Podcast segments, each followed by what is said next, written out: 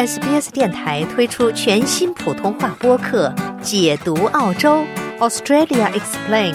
在这里，你可以轻松欢快的了解有关澳洲的有趣知识。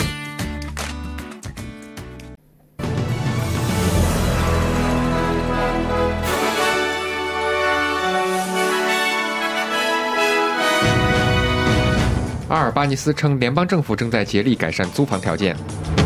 受圣诞节、新年庆祝活动影响，新冠感染率激增。维州古尔本河和坎斯帕普河洪水警报仍然有效。美国国务卿会见以色列总理，讨论加沙战争问题。下面是新闻的详细内容。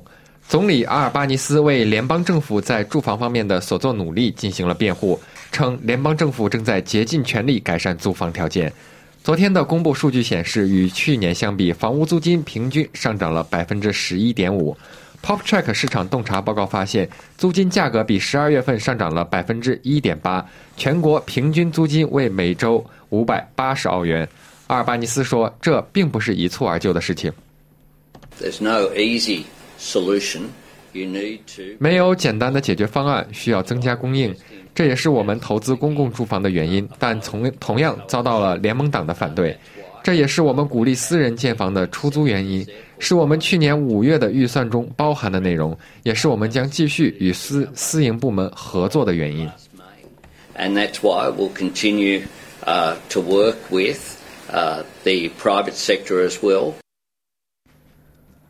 分析人士认为，澳大利亚创纪录的租房短缺问题将继续推动租房价格上涨。最新报告显示，首府城市的综合租金同比上涨了百分之十三点二。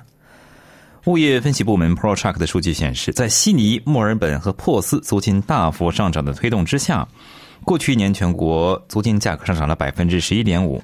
首府城市的综合租金上涨了百分之十三点二，平均每周六百澳元。悉尼。墨尔本和布里斯班的单元房在过去一年中的涨幅尤为明显，中位数价格分别上涨了百分之十七点二、十五点六和十六点七。受圣诞节和新年庆祝活动的影响，人口最多的两个州的 COVID-19 感染率激增，新出现的 JN1 变种正在传播。新南威尔士州卫生部发言人杰里米·麦卡努蒂说：“大约有一年的时间没有这么多人感染的。” JN1 变种对以前的免疫或疫苗接种有更强的抵抗力，尽管它不具有一定的传染性。卫生部门呼吁公众及时接种 COVID 的疫苗。十一月份可能很快就会超过十二月份，成为澳大利亚消费者零售花费最多的月份。黑色星期五打折让消费者在去年十一月份花费了创纪录的三百八十六亿澳元。澳大利亚统计局周二公布的数据显示，经季节性调整之后，二零二三年十一月份澳大利亚零售消费增长了百分之二点零。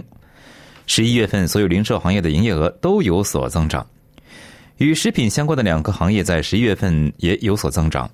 咖啡馆、餐馆和外卖食品服务业的以及食品零售业各增长了百分之零点四。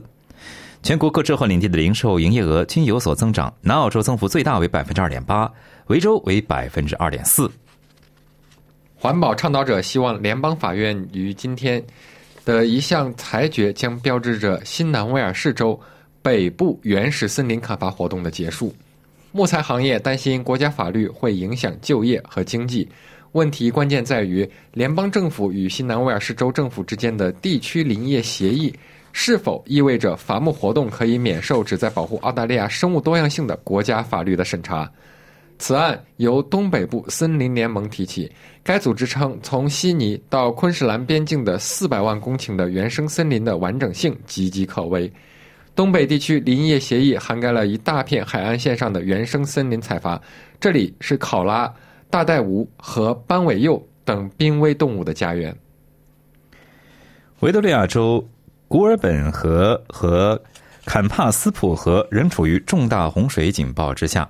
预计今天上午晚些时候，古尔本河在莫奇森镇的水位最高将达到百分之十点五米，将达到十点五米。当局告知墨尔本以北一百八十公里处的坎帕斯普河畔的罗切斯特镇居民，逃离该地的时间窗口已过，应到最高处避难。预计那里的洪峰水位将达到六点二米。米克·弗拉基亚科莫在罗切斯特的主要街道上开了一家公司，他说自己的处境比较微妙。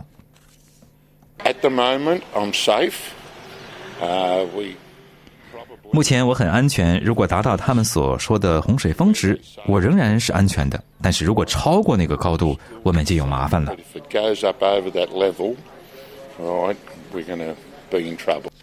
为保护该镇的基础设施而切断的淡水供应，预计将在今天恢复。维州的洪水紧急状况预计将在今天转移到马罗普纳和谢帕顿镇，然后向北转移到与新州交界的埃丘卡地域。与此同时，在维多利亚州的洪水中，一艘空的皮划艇被发现漂流在河上，其船主已经被找到，目前安然无恙。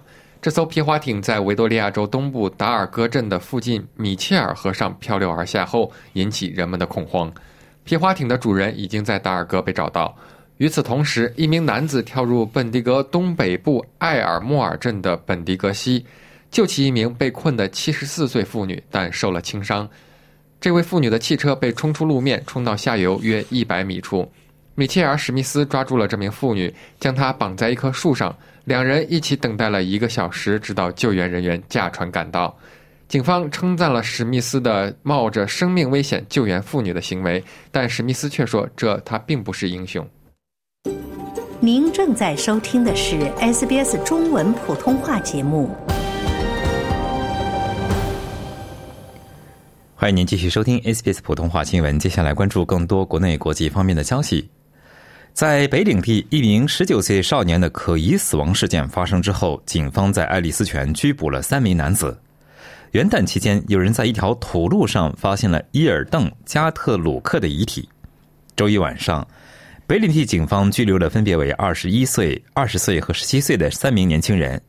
警方认为受害人与被捕者相识。助理警察局长特拉维斯·沃斯特表示，仍在进行调查。So we're investigating a homicide. So the death of a person. 有人死亡，我们正在调查一起凶杀案，我们将在适当的时候提出指控，但我无法给出确切的时间表。北领地警方表示，正在为死者家属提供支持。死者家属位于墨尔本，昨天在爱丽丝泉与北领地首席部长进行了交谈。一名女警察在珀斯执行拘捕任务的时候被狗咬伤，这名警官的腿部和手部多处受伤。事发地点位于珀斯东北郊的一栋房屋内，另一名警官开枪击毙了这只有攻击性的动物。据悉，这只狗并非被捕的三十多岁的男子所有，整警方目前仍然在对这起事件进行调查。美国国务卿布林肯在特拉维夫会见了以色列总理内塔尼亚胡，讨论加沙战争问题。布林肯告诉内塔尼亚胡，以色列仍然可以赢得阿拉伯邻国的认可，但前提是以色列必须开辟一条通往可行的巴勒斯坦国的道路。会议召开之际，被哈马斯扣为人质的以色列人的家人正试图阻止援助卡车进入加沙。沙伊·万克特的儿子是仍被挟持在加沙的一百三十名以色列人之一。他说，在哈马斯仍挟持人质的情况之下，加沙的巴勒斯坦人不应该得到人道主义援助。My son was kidnapped 95 days ago. 我的儿子在九十五天前被绑架，他生病了，得了结肠炎，压力越来越大。我知道他需要我们把他救出来，我们要阻止卡车，因为这应该是人道主义的人道主义，不能只有一方，要把人质带出来。It can't be only one side. Take out the, the hostages. 法国总统马克龙任命加布里埃尔·阿塔尔法为法国新总理。阿塔尔今年三十四岁，是法国有史以来最年轻的总理，也是第一位公开的同性恋总理。阿塔尔曾任法国教育部长，是马克龙的亲密盟友。马克龙希望在六月欧洲议会选举之前获得支持。民意调查显示，马克龙的支持率落后于玛丽娜·勒庞的政党约八到十个百分点。全球公司都在谈论印度在可再生能源领域的巨大作用。印度总理莫迪在其家乡古吉拉特邦与东帝汶总统拉姆斯阿尔塔莫桑比克总统菲利佩·亚辛托努西以及多家全球公司的高管举行了会谈。古吉拉特邦活力峰会将在本周举行，预计该峰会将为该地带来一百三十三个国家的十万名游客。与会的公司包括微软、谷歌、塔塔集团、铃木和丰田等。丹麦马士基船运公司的首席执行官基斯森文森表示，印度可以在全球氢能产业中发挥巨大作用。There's a big need to invest further in infrastructure. 印度需要非常需要进一步投资港口和物流领域的基础设施。我们还认为去碳化，尤其是绿色氢能，对物流和国家的未来都非常重要。印度可以在这方面发挥巨大作用。Play an outside uh, role in that. 自莫迪二零一四年执政以来，印度吸引了大量外国投资。接下来我们来看一下澳大利亚元的汇率，在国际货币市场上，今天一澳元可以兑换零点六六九美元，一点七零七二新西兰元。同时，一澳元可以兑换四点七七零元人民币，五点二二四元港币，二十点七八零元新台币。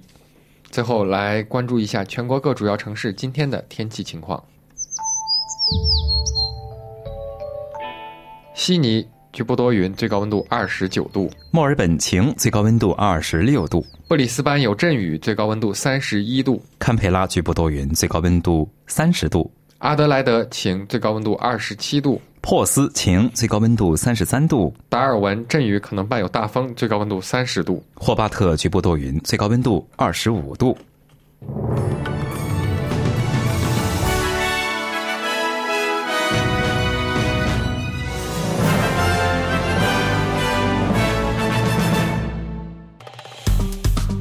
喜欢、分享、评论，欢迎您在 Facebook 上关注 SBS 普通话页面。